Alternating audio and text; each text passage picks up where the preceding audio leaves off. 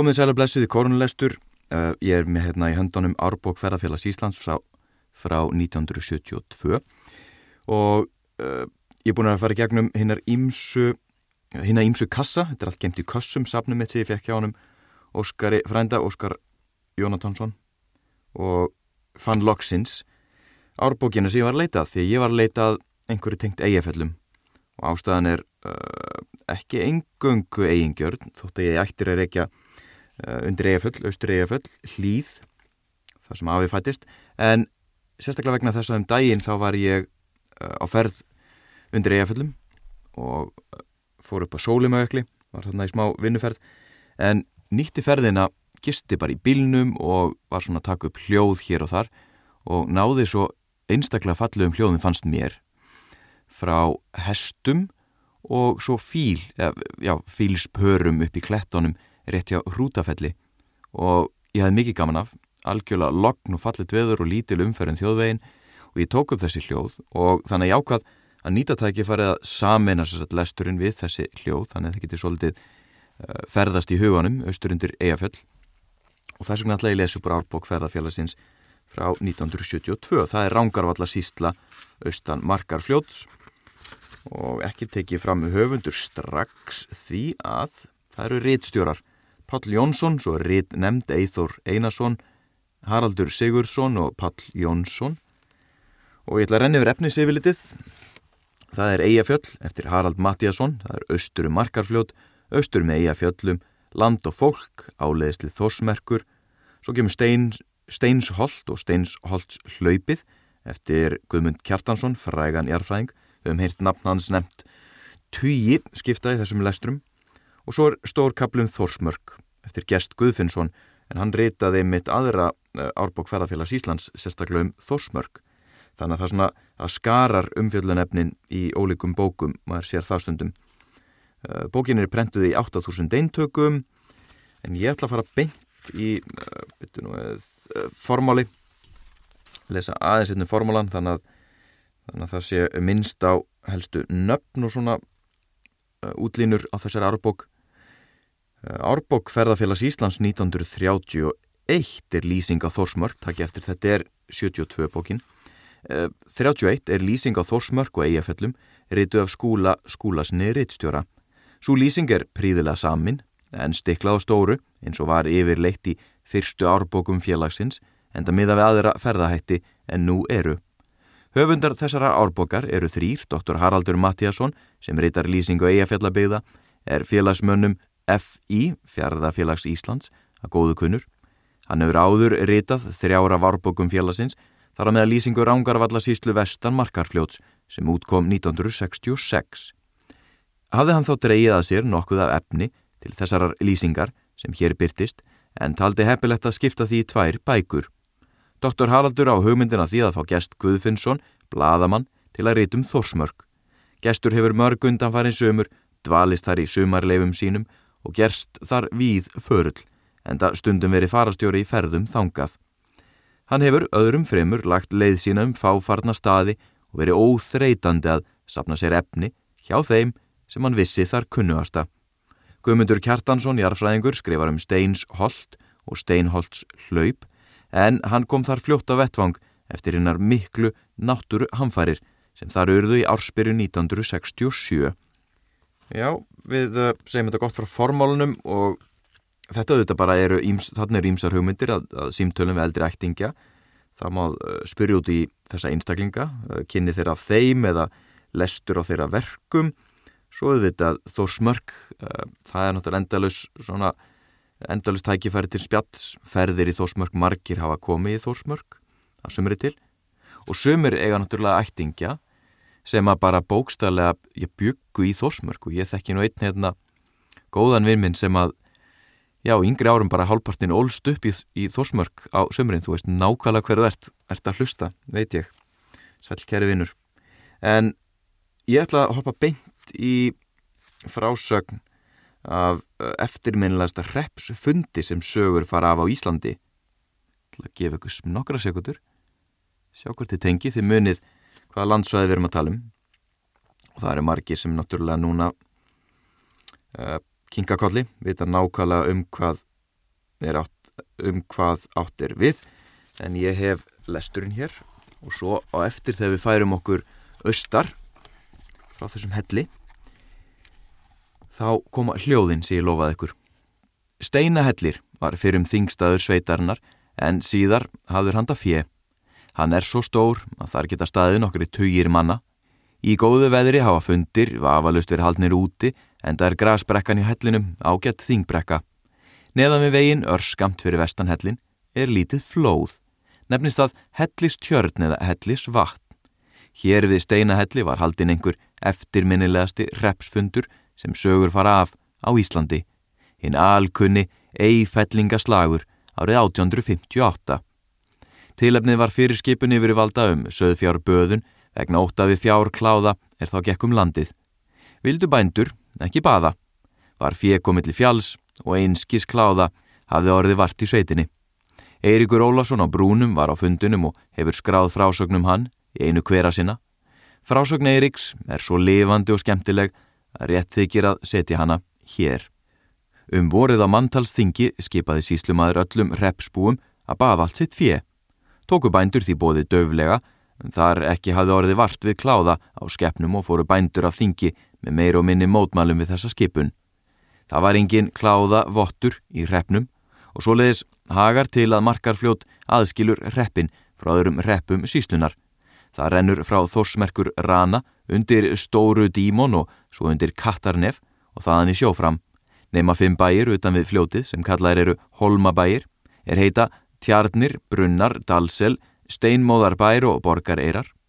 Síslumadur var þykju þungur og skrifaði amtið um óhlýðni bænda að baða fjö, svo nokkru síðar kemur ströng skipun úr amtinu til reppstjóra að bændur skuli hlýða síslumanni og baða allt sitt fjö í reppnum. Bændur gjörðu fund um þetta málefni og urðu deildar meiningar manna, var þó afræðið að gegna þessari skipun ekki. Þar eð ekki hafi orðið vart við nokkra kláðakindi í hrefnum. Nú fréttir síslumadur að hrepsbúar óhlýnist enn þessari skipun og verður stór reyður og segir að hann skul ekki hætta við svo búið að bændur skuli mega til að hlýða og baða og annarkort sendir mann eða fer sjálfur söður í Reykjavík og sækir Tramp, stift amtmann, til að fara austur undir Eyjafjöld og herða á nára gjörðin á bændum að baða og skuli nú skrýða til skarar og engin mótmæli döga þar stiftandmaður skipi þeim með valdi og makt að hlýða. Svo kemur út auglýsingar, gengur bæ frá bæ, með því innihaldi að allir bændur í hrefnum eigi að mæta við steina hellis þingstað á tilteknum degi og hlýða þar á svör og skipanir tramp viðveikjandi því að bændur skuli nú hlýða og baða. Svo kemur dagurinn sem mæta skal og hittist á gott veður. Bændur hópuði sig er þeir riðu á þing og töluðu margt saman um þetta. Sumir voru kjarklitlir og hrættir og sögðu að það er þið best að hlýða öllu sem skipa yrði.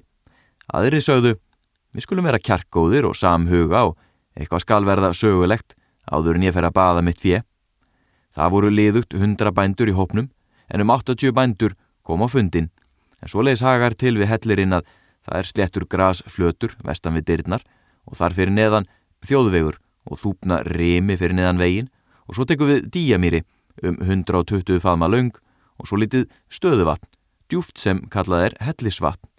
Nú koma þeir stiftandmaður og síslumadur að hellinum og svo hinnir hver af öðrum og binda hesta sína nokkuð utan við.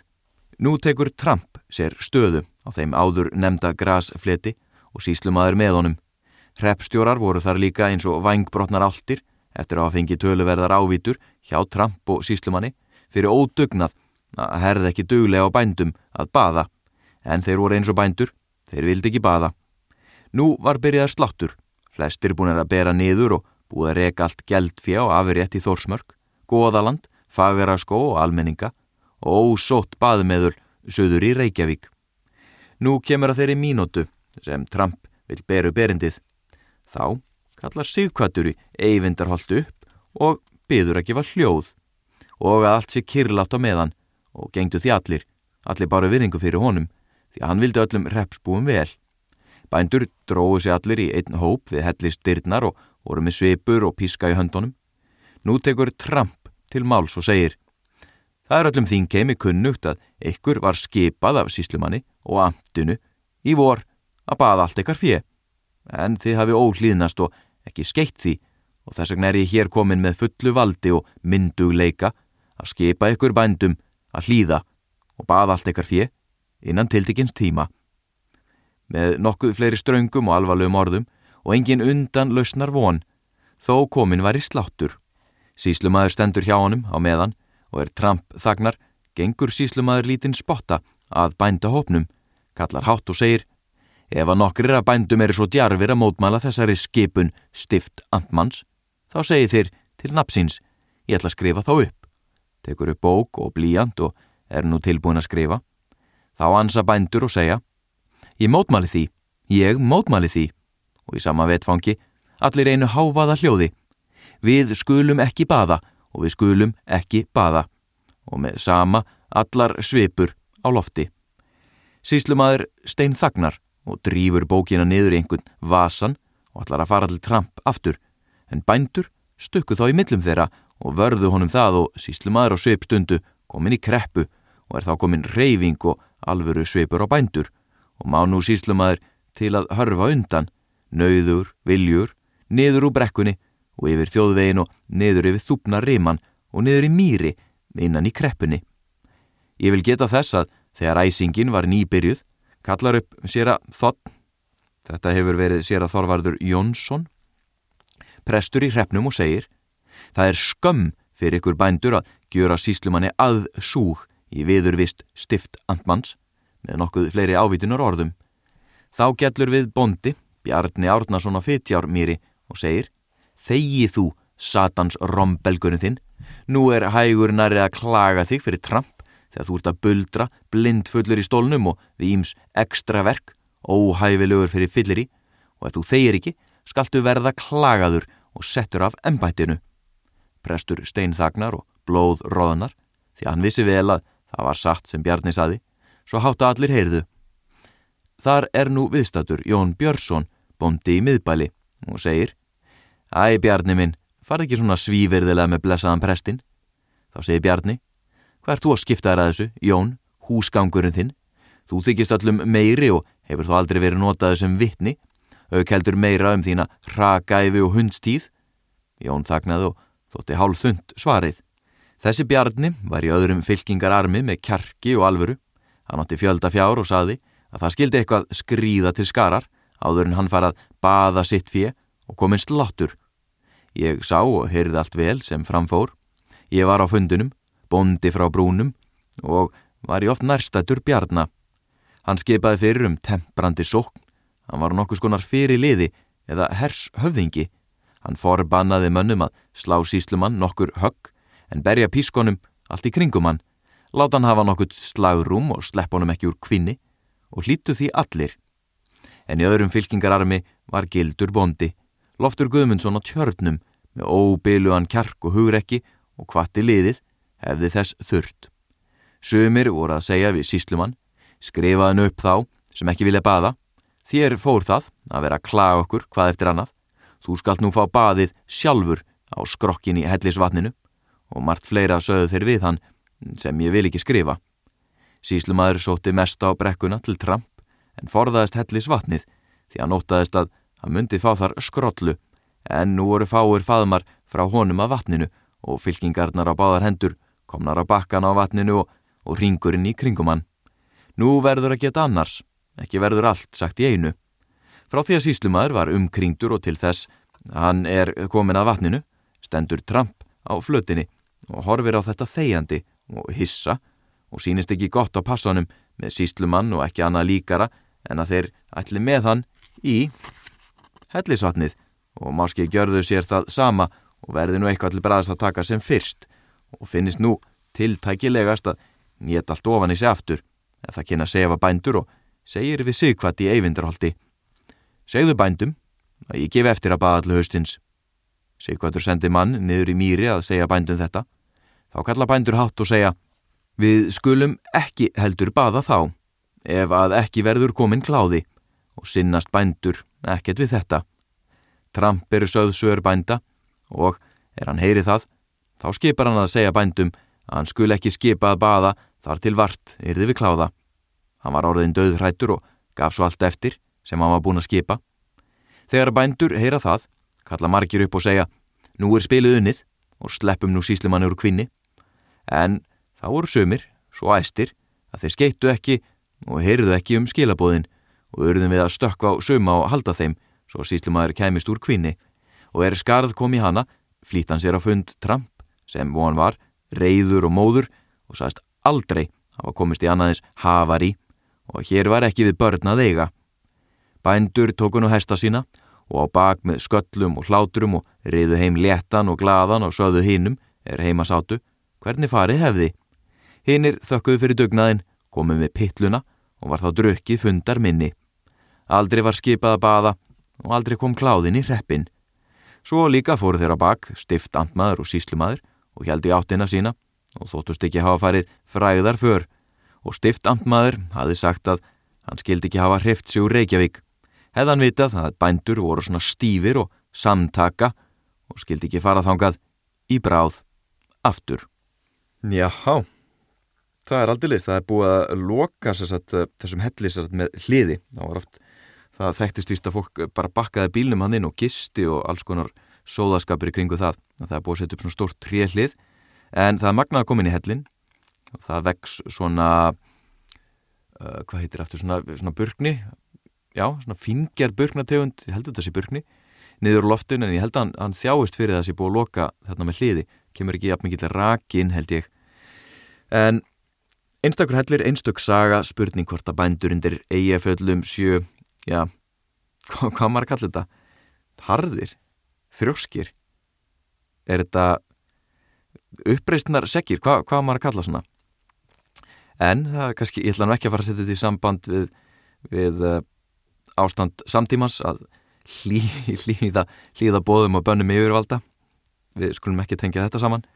En þetta er einstöksaga og Fárundi fjöllum bókin segir mjög skemmtilega frá þessu. Uh, betur nú ég man ekki eins og hvað ár þetta er en ég held nú að hann langa við segjur Jónsson frá hlýð ég held að hann hafa ekki verið fættur þarna eða hvað? Nei, hann er fættur 1880 held ég. Þetta er 1858 þetta er fyrir það. En Eiríkur frá Brúnum, hann er vist frendi minn og fættist á hlýð en heyrðu, við höldum einnig áfram lesturinn. Og en þið munið það, þið fáið að heyra hérna hljóð undan eigaföllum eftir smá stund og fáum smá bara svona kyrð og ró indisli hljóðin í fílnum uh, sem ennu ekkit hann er bara frekka nýra nálinni svona á íslenska mælikvarða með fuggla hefur fjölga mikið en fílinn situr þarna í í klettónum og í fjallónum gríðala fallum fjallum eina af mínum uppáhalds svona fjalla fjallasín og bara klettar og fugglalíf undir eigaföllum á öllu landinu. Þarna þykir mér einstaklega gott að vera og ég ætla að lefa ykkur að heyra hljóði eftir í klöngræðast upp í brekku þarna rétt vestan við uh, Hrútafell Þannig segist Eiríkja Brúnum frá fylgir hann í frásögninni sveitungun sínum einn dreyða málum svo sem væntam á en hlakar yfir hrakfur síslumanns og stift amtmanns. Engin ástæða er þó að efast um að frásögnan sé rétt og allan hátt. Já, já, herruð, þá við förum við hérna yfir í eitthvað annað. Skamti frá hellinum austur að steinum. Þar hefur laungum verið markbílt. Árið 1709 er þar fjórir búendur. Sangant manntalinu, herruð, afsakið. Herruð, við skulum hlusta á hana fugglasöng. Hann er, hann er aðeins vestan, nú við, fugglasöngurinn er já, fugglasöngurinn er tekin upp austan, austan við steina já, við höldum áfram Skamt er frá hellinum austur á steinum þar hefur löngum verið markbílt árið 1709 er þar fjórir búendur sangat manntalinu 1703 eru þeir einnig fjórir en húsmenn 6 alls eru þá steinum 29 heimilis menn Vafalust hefur hér sem víðar fækkað í Stórubólu 1707 og árið 1709 er hans eitt búandi þar með sama nafni árið 1703, Einar Jónsson. Steinabæir standa á hættulum stað, snar brött brekka er upp af bænum, en hið efra gínandi hamrar. Steinalækur rennur rétt hjá bæjónum, auðvitað flugstrángur og getur umhverst í stór rigningu eða leysingu. Hafa steinabæir oft fengið að kenna á því greipilega. Jarðarbók, AM og PVF, þetta er Árna Magnússon og ég man ekki hvað PVF stendur fyrir, til fyllinni eðunar hérna hinum einn við hljónumann, segir svo um steina, túnum spilla skriður og grjóts hrun úr fjallinu og er bænum sjálfum þar fyrir stórlega hægt. Annálar og aðra frásagnir sína fullkomlega að þetta er ekki ofmælt. Gísli Ottsson segir svo í íslenskum annálsbrotum frá 1604 Kringum 1. februar var bærin steinar í hættu fyrir hruni úr fjalli svo sem einu sunni áður hafi verið og allir það afskablegu slisi, engum úr vestur átt. Auk annars rapaði stein úr fjallinu, barst með ofsaflugi, beint á bæin og geistist í gegnum og bröði einu slagi rís þryggja húsa þar sem inni voru húsmunir og heimamenn sjálfur og þannig fór hann yfir kirkjugarðin inn í kirkjuna sjálfa, allt inn að predikunarstólu og braut allt og bramlaði, er fyrir var. Er hann talinn svo stór og þungur að tól menn rétt geta bifa honum úr stað með verkværum. Ég ætlum að taka það fram að eh, þegar ég hef verið að starfa sem leðsögumar og er að keira hann út í reyjaföllum, þá er þetta svona eina á sögunum sem maður segir fólki og skemmtilegt að geta gert þetta ljós levandið þetta, hann bend upp í hlýðina og, og fólk sér hann að steinana, þetta er eins og jarðsprengju svæði hann.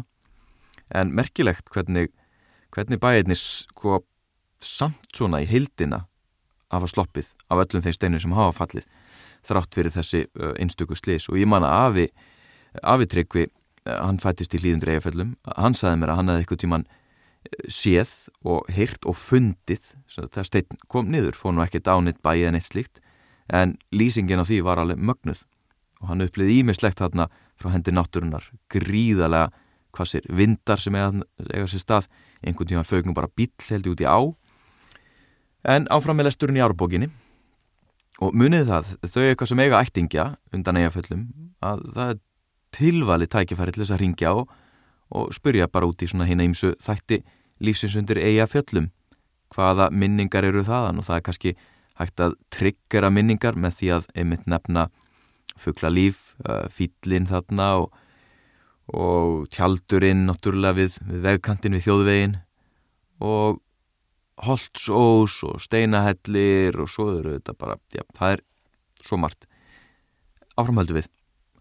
Þessir getið í blöðum að 13. janúar 1888 hafi hlaupi skrið á bæin Steina undir eigaföllum, skekt þar og brotið sem bæjarhúsin, fyllt kálgarðin auður og leðju, ger skemmt túnið og borið á þau þvílik heljar-björg að 20 manns fengu eigi hreift þau úr stað. Menn og skeppnur, björguðust, sjálfsagt hefur þetta hlaup komi úr steinagili sem síðar mun koma við sögu. Samanber skriðuföll og snjóflóð, uh, fyrsta bindi. Og það varð orð að sönnu. Lækurinn kom rækilega við sögu í hennu óarlega hlaupi 1926.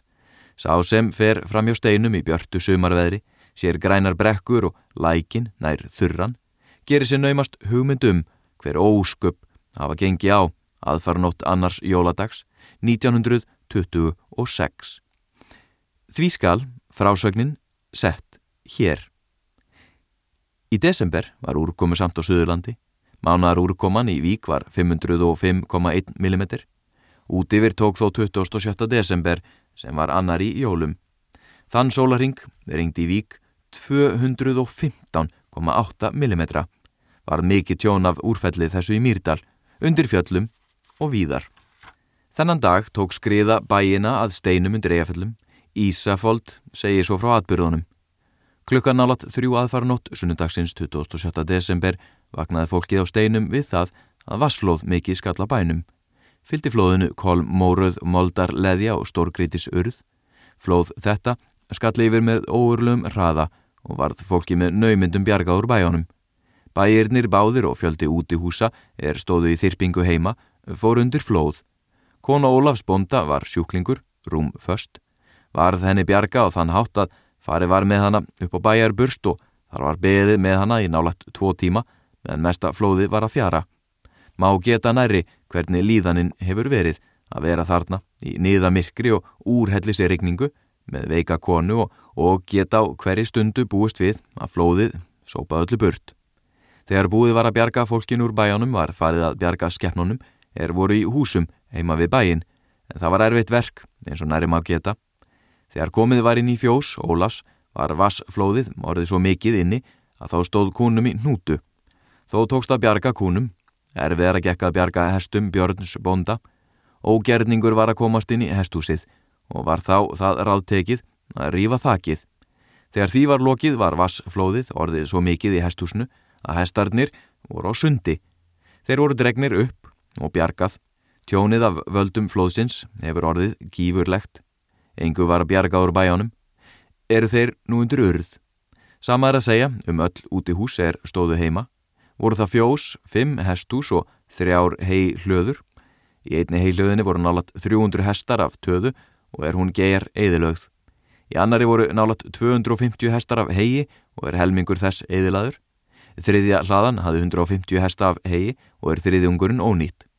Allir kálgarðar sem voru miklir og góðir hafa geir eðilagst, einni gammal kirkjugarður sem var heima við.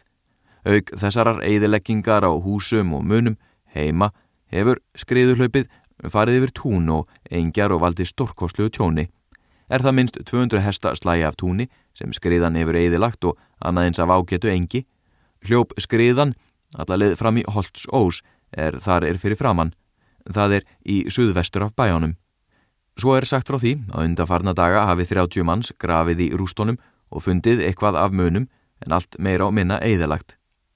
Ekki minn það ótít að hlaup komi í steinalæk, vext á lækurinn skindilega og var eins og vöxtur í fáa klukkutíma.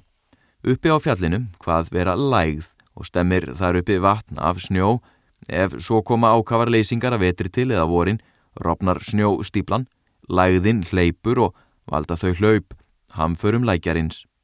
Sjáskriðu föll og snjóflóð, fyrsta bindi. Kirkja var áður á steinum, segir í þjóðsögum Jóns Þorkelssonar að þau álög sé á steinum, að lækurinn skuli taka bæin, þó ekki meðan kirkjan sé þar. Kirkjan var lögð niður, þar, 1889. Á steinum er verslun, Það mun ekki þykja frásagnavert, eitt sér, að vestlað sé við þjóðveg, en saga þessara vestlunar er óvennuleg. Verslunin var stopnuð 1911 af Jóhanni Guðmundsinni. Hefur hann æg síðan reiki vestlunna og reikur hana enn 1971. Hann hefur því verið kaupmaður samfleitt 60 ár. Fyrstu þrjú árin var verslun þessi nokkur skonar úti bú frá verslun auðunar Yngvars sonar í Dalsseli Þá var Jóhann, ungur maður og hjá fóröldri sínum, guðmyndi Vikfúsinni og önnu Jónsdóttur í Gíslakoti. Þá byggir Jóhann, vestan við Íbúarhúsið, þar Timburhús, járn klætt að stærð 2-4 metrar. Þar hófan verslun með kaffi og sigur, tópak, rítfung, álnavöru, búsa og höld og aðrar slíkar vörur og var vöru val ótrúlega fjölbreytt. Samfara verslunni stundaðan söðlasmiði en þá yðin hafðan lært hjá hinnu merkamanni Sigurði Einarsinni frá Kvammi rak lengi söðlasmiði í Vík í Myrdal. Sigurjón var halvbróður þjóðhagans, Sigurjóns Magnússonar, sem getið er hér á öðrum stað. Eftir lát föður síns tók Jóhann við bús forraðum í Gíslakoti og rak þar búskap nokkur ár á samt verslun og söðlasmiði, en þá var jörðin að verða ótrygg vegna ágangs svaðbælis ár. Árið 1924 flist Jóhann að steinum og reisti sig þar Timburús skamt fyrir neðan þjóðvegin, en við vegin vestan við steinabæina reisti hann stein hús þrísar sinnum tíu metra og þar hefur hann nú verslun sína en húsi er nú allt og lítið fyrir sölubúð og vöru byrðir. Búskap stundaðan lengi en hefur nú lagt hann niður. Kona Jóhans er Jónína Jónsdóttir frá Rauðsbakka þar í sveit, hinn mætasta kona og hefur hún ættið staði ótröði í starfi við hlið bonda síns og kvildi búskapurinn að miklu leiti á hennar herðum. Það hlýtur af að krafist mikils áraðis og aðdorku að hefja verslun undir eigaföllum árið 1911. Þá voru allar ár, austan þjósar, óbrúaðar, þótt fljótlega rættist nokkuð úr. Ytri ranga var brúið 1912 en hinn eistri árið 1914. Þverá aftur á mót ekki fyrir 1932 og markarfljót árið 1934. Aðdrættir hafa því verið hinnir örðugustu, langa leið og misjafna vegi yfir óbrúð stórvötn og auðvita á herstögnum um ára bil. En verslunin hefur komið sveitinni í góða þörf, þó degi hafa hún talist stór verslun. Er verslunin gott dæmum þraut segju manna og aðru leysi á fyrstu áratöfum þessar aldar og enn á hún hlutverki að gegna þrátt fyrir stórverslanir í héræðinu og góðar samgöngur. Er mér ekki kunnugt um og þykir enda ólíklegt að nokkur núlifandi Íslandingur eigi jafn langa verslun og sögu að baki sér og Jóhann Kaupmaður að steinum. Ég ætla að ringja í Lilju Frængu í Drangsleðadal um leið og ég búið með hennar lestur og spurja hanna um hennar minningar af Jóhanni Kaupmanni í ásteinum, ísteinum, aðsteinum, ásteinum. Uh, en við heldum samt að fara með lesturinnum. Hún ólst upp í hlýð með Ava, Ava Tryggva og, og Palla bróðu sinnum og Bergi og Sigur Berg, Bergur, Geir og ég mannu ekki öllan sískinu hópin en áfram með lesturinn á þannig fyrir ykkurar fjölskyldu minningar hérna. Sá sem horfir á nýtísku stórverslun með ljósa dýrð mætti stundum líta á húsgrunnin. Hann lætu lítið við sér, endað mestu í jörð og hinnu litla sem upp úr stendur er lít haldið til skart. En hann nær niður á bergið og ber upp í verslunasalinn skraudlega með glukkanum stóra. Rétt á hann held að fram sömulegis upp með hendur þau eitthvað sem mun eftir eh, bensinstöðin á steinum og hundurinn sem lág allt aðna fyrir utan þegar maður kom aðvíðandi og stundum var ykkur afgreð og stundum ekki en, en sá sem var afgreð hann kom oft röldandi niður, niður veginn frá steinum og það er skemmtileg minning, alveg frá því barnæsku en það er engin bensinstöð það lengur. Austan við steina er bæring kvól tunga en gata neðan vegar og hlýð litlu austar. Hlýð fekk einni að kenna á ærnum landspjöllum á jólum 1926 þótt ekki var eins stórkoslegt og á steinum. Eirikur á brúnum ólst upp í hlýð. Þá var þar mikil huldu fólks trú eins og víðar og segir hann að margar sögur hafi um það gengið. Skráina þær ekki, en greinir það sem hann sá sjálfur. Eru sögur hans ágætla sagðar og skulu því settar hér. Þegar ég var á 12 ári var ég á gangi í góðu veðri, skamt frá bænum, með minnir á góu, seint á degi. Sá ég þá hvar drengur með lítinn sofl í hendinni, rekur þrjár kýr og skýtu hann vetrung að læk rétt fyrir ofan túnið. Kýrnar og vetrungurinn röðuðu sér að læknum og drukku en drengurinn stenduð þar yfir með sopl í hendinni, liðuga hundra faðma frá mér. Mér datt strax í huga þessar kýr varu huldu fólks eign. Þar voru jafn stórar og okkar kýr, röðu skjöldótt, grá hálsótt og svart huppótt. Svo hættu kýrnar að drekka og drengurinn rak þar tilbaka, dálitinn spotta þar að grjótgarði og var þar lítið hlið á honum og voru tvær kýrnar komnar í gegnum hliðið. Þá var kallað til mín af bæjar manni er saði, hvað ert að horfa á? Og þá leiti til hans. En er ég leitt við aftur að sjá hvað varð af kúnum, sá ég ekkert. Og sá ég þá mikið eftir því að ég leiti af kúnum, því mér langaði að sjá hvað þeim yrði. Þar skamt frá hliðinu, eða gardinum, var stór steinn, grasi vaksin og stór hóla inn undir hann. Okkur krökkunum var alvarlega bannað að fara inn undir steinin eða hafa þar nokkur ólæti. Við myndum hafa ílt á því, því að þar var í huldu fólk. Í öðru sinni sá ég hvar kvennmaður var að reyka fjórar ær yfir hús hamra sem kallar eru fyrir ofan bæin í hlýð og svo rak hún þær yfir annan klett og hvarf þar. Ég þekkt hann ekki. Hún átti ekki heima í hlýð og ekki á bæjunum í kring því að það var huldukonna. Í ungdæmi mínum man ég vel eftir að ég og allt kirkjufólk og presturinn, sér Ólafur, með minnir Pálsson, var komið til steina. Kirkju fyrir dag á hátíðum og byrjaði að ringja og embæta í dögun og byrjaði á salmunum. Dagur er dýrka ber og svo framvegis. Þá var ekkert úr nýja klukka. Þá var farað á fætur um miðnætti, gefið öllum skeppnum, lesin jólanóttarlesturinn í Jóns bók, borðað og búið sig. Allt fyrir dag, en ekki var kaffið þá að vekja sig á. Einn nýjás morgun fyrir dag man ég eftir því að ég var orðin kirkjubúin og stendi bæjardýrónum. Þá var heiðríkja á norðuljós, en ekki tungl. Sá ég þá að fjöldi af fólki gekk vestur túnið fyrir neðan bæin. Ég fór inn í bæi og saði fólkinu að það væri margt fólk að fara vestur túnið. Nokkuð af fólkinu kom út og sá engin neitt. Nefn á húsmóður mín sá eins og ég og sagði hún það allt vera huldufólk er ætlaði til sinnar kirkju og fólki var ekkert hlessa á þessu því það var þá í allmæli að það væri fjöldi til að því. Þetta voru að tölu, 20-30 manns, karlar, konur og börn og öllum aldri. Huldufólkssögur Eiríks eru mjög skemmtilegar og vel sagðar, ekki síst vegna þess að hann segi svo ljóst og meðlilega frá huldufólkinu eins og hann sé að lýsa nágrunnu sínum eða heimafólki Hann segir einnig frá huldufólki er sérst hafi drángslíð, skóanúb þar sem var alvakirkja, einnig huldumönnum sem er eru frá skóafjöru eða fram af eiginvindarhólum og ljós í hafursól. Þannig var áður, öll náttúran var kvik af lífi, fólki og fjenaði, þó degi sæðist nema stöku sinnum. Lítið eitt austan við hlýð, hækkar fjallið enn, er þar ferlega hár og hrikalögur núpur, núbakots núpur, 706 metrar upp á hæsta tind. Tveir bæir standa austan undir núbakots núpi, núbakot og þorvaldseri. Í núbakoti hóf Þorvaldur Björnsson búskapsinn 1863 og bjóð þar til 1886 en hóf þá búskap í Svaðbæli. Fluttan bæin og nefndi Þorvalds Eyri.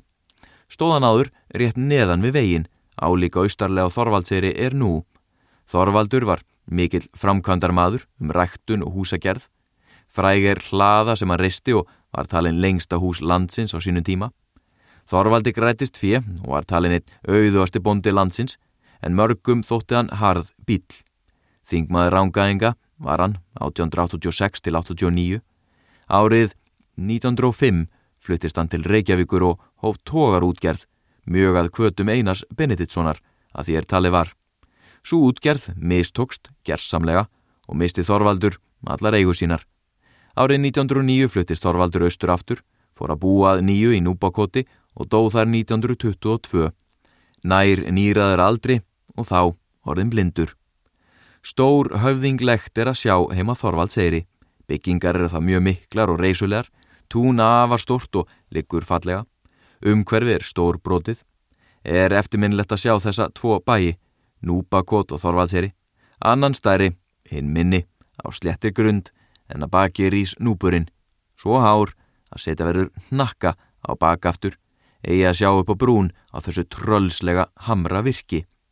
Er núburinn engum mikil fenglur að sjá, sé hort úr austri, er hann meðal stórbrotnustu fjalla. Ég tek undir með síðasta ræðimanni og það er náttúrulega ennþá uh, þetta mikla stór bíla þorvaldsýri og mjög glæsilegt þar um að lítast og þar, þaðan var reikið eldfjallasafnið.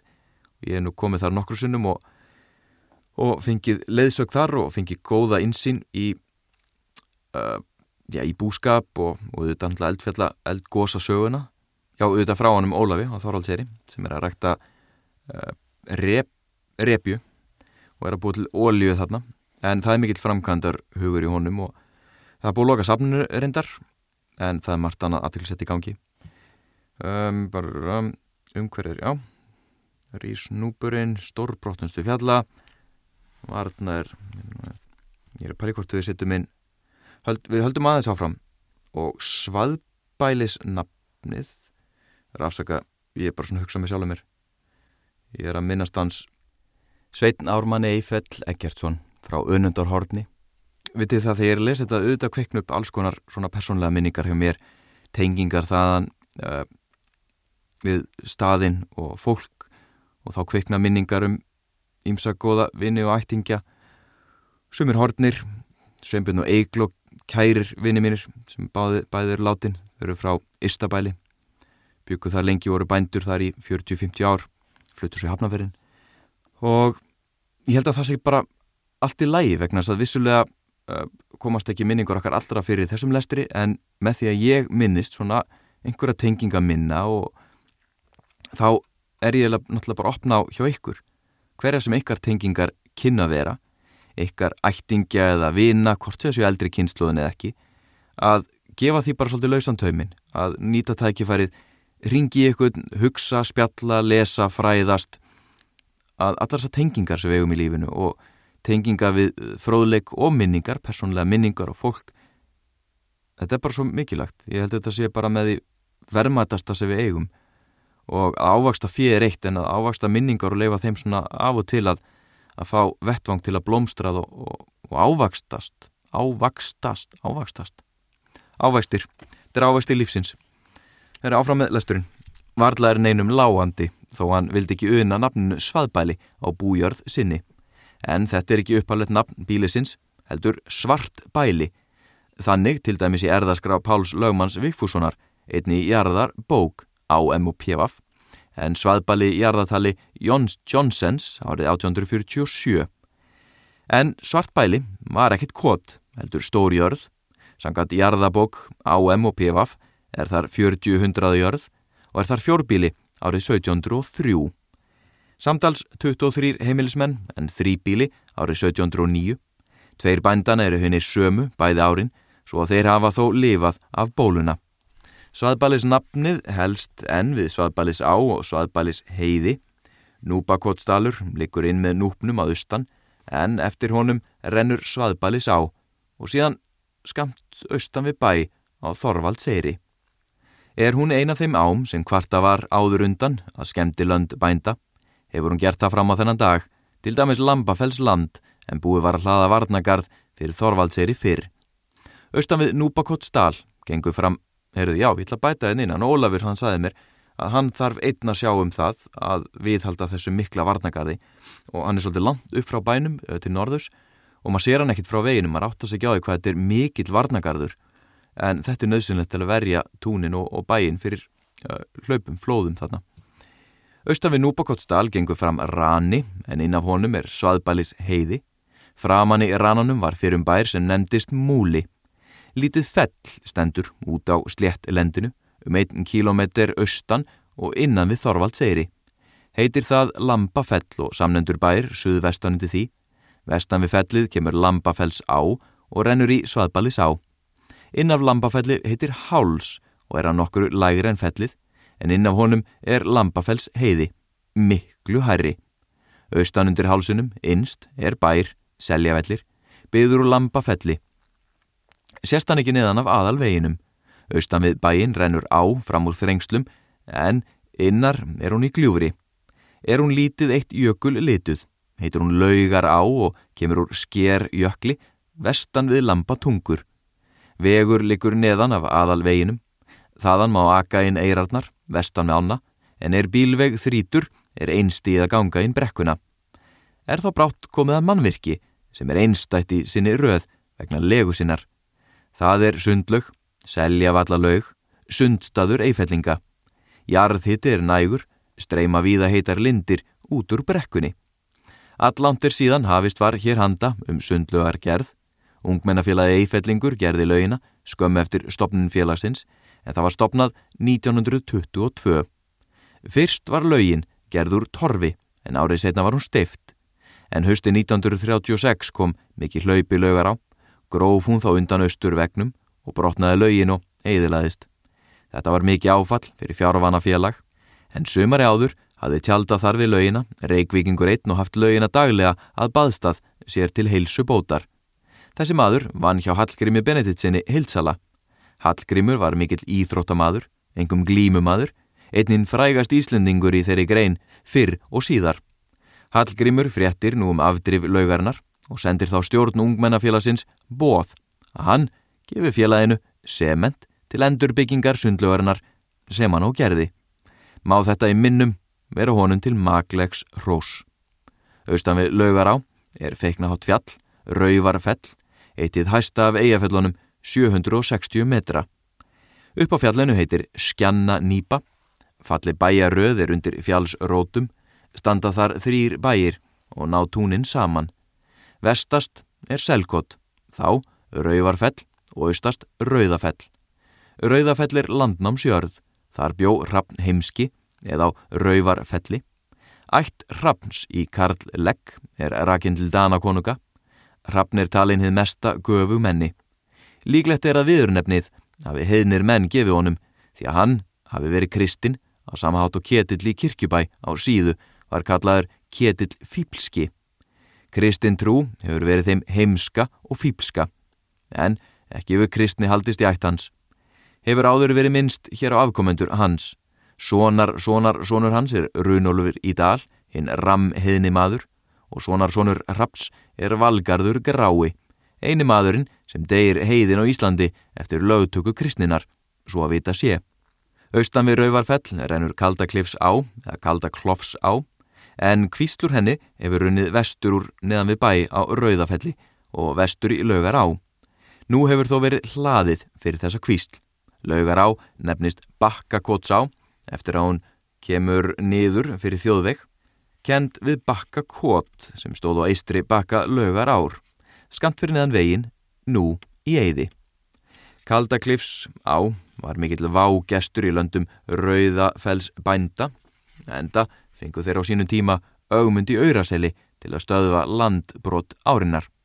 Augmundi leist ítla á því áni hafði verið stemt þangað frá rútafelli en þó tókst honum að bæja áni burt. Margir bæir eru neðan vegar og voru þó fleiri í byggð fyrrum. Eru nú ímsir fallnir í eiði. Í byggð eru nú vestan bakkakóts ár, rauðisbakki, önundarhorn, miðbalisbakka, miðbalisbakkar og ístabæli. Sveitn Ármann Eifell Eggertsson frá önundarhorni, kæri vinnu minn, hann lest núna fyrir, bara fyrir réttum mánuðu síðan. Sárt saknað mikill listamæður og skap, sköpunarkrafturinn í þeim manni er meiri heldur en í nokkrum sem að ég held ég að við kynst. Sendi bara hvaðið út í kosmosið, tíðin, elsku sveit. Miðbælið er fallugur ábúð og liggur undir rauðsbakka en samt eru þessi bæir við það kendir og nefnast miðbælis hverfi. Er ég ætla að láta bara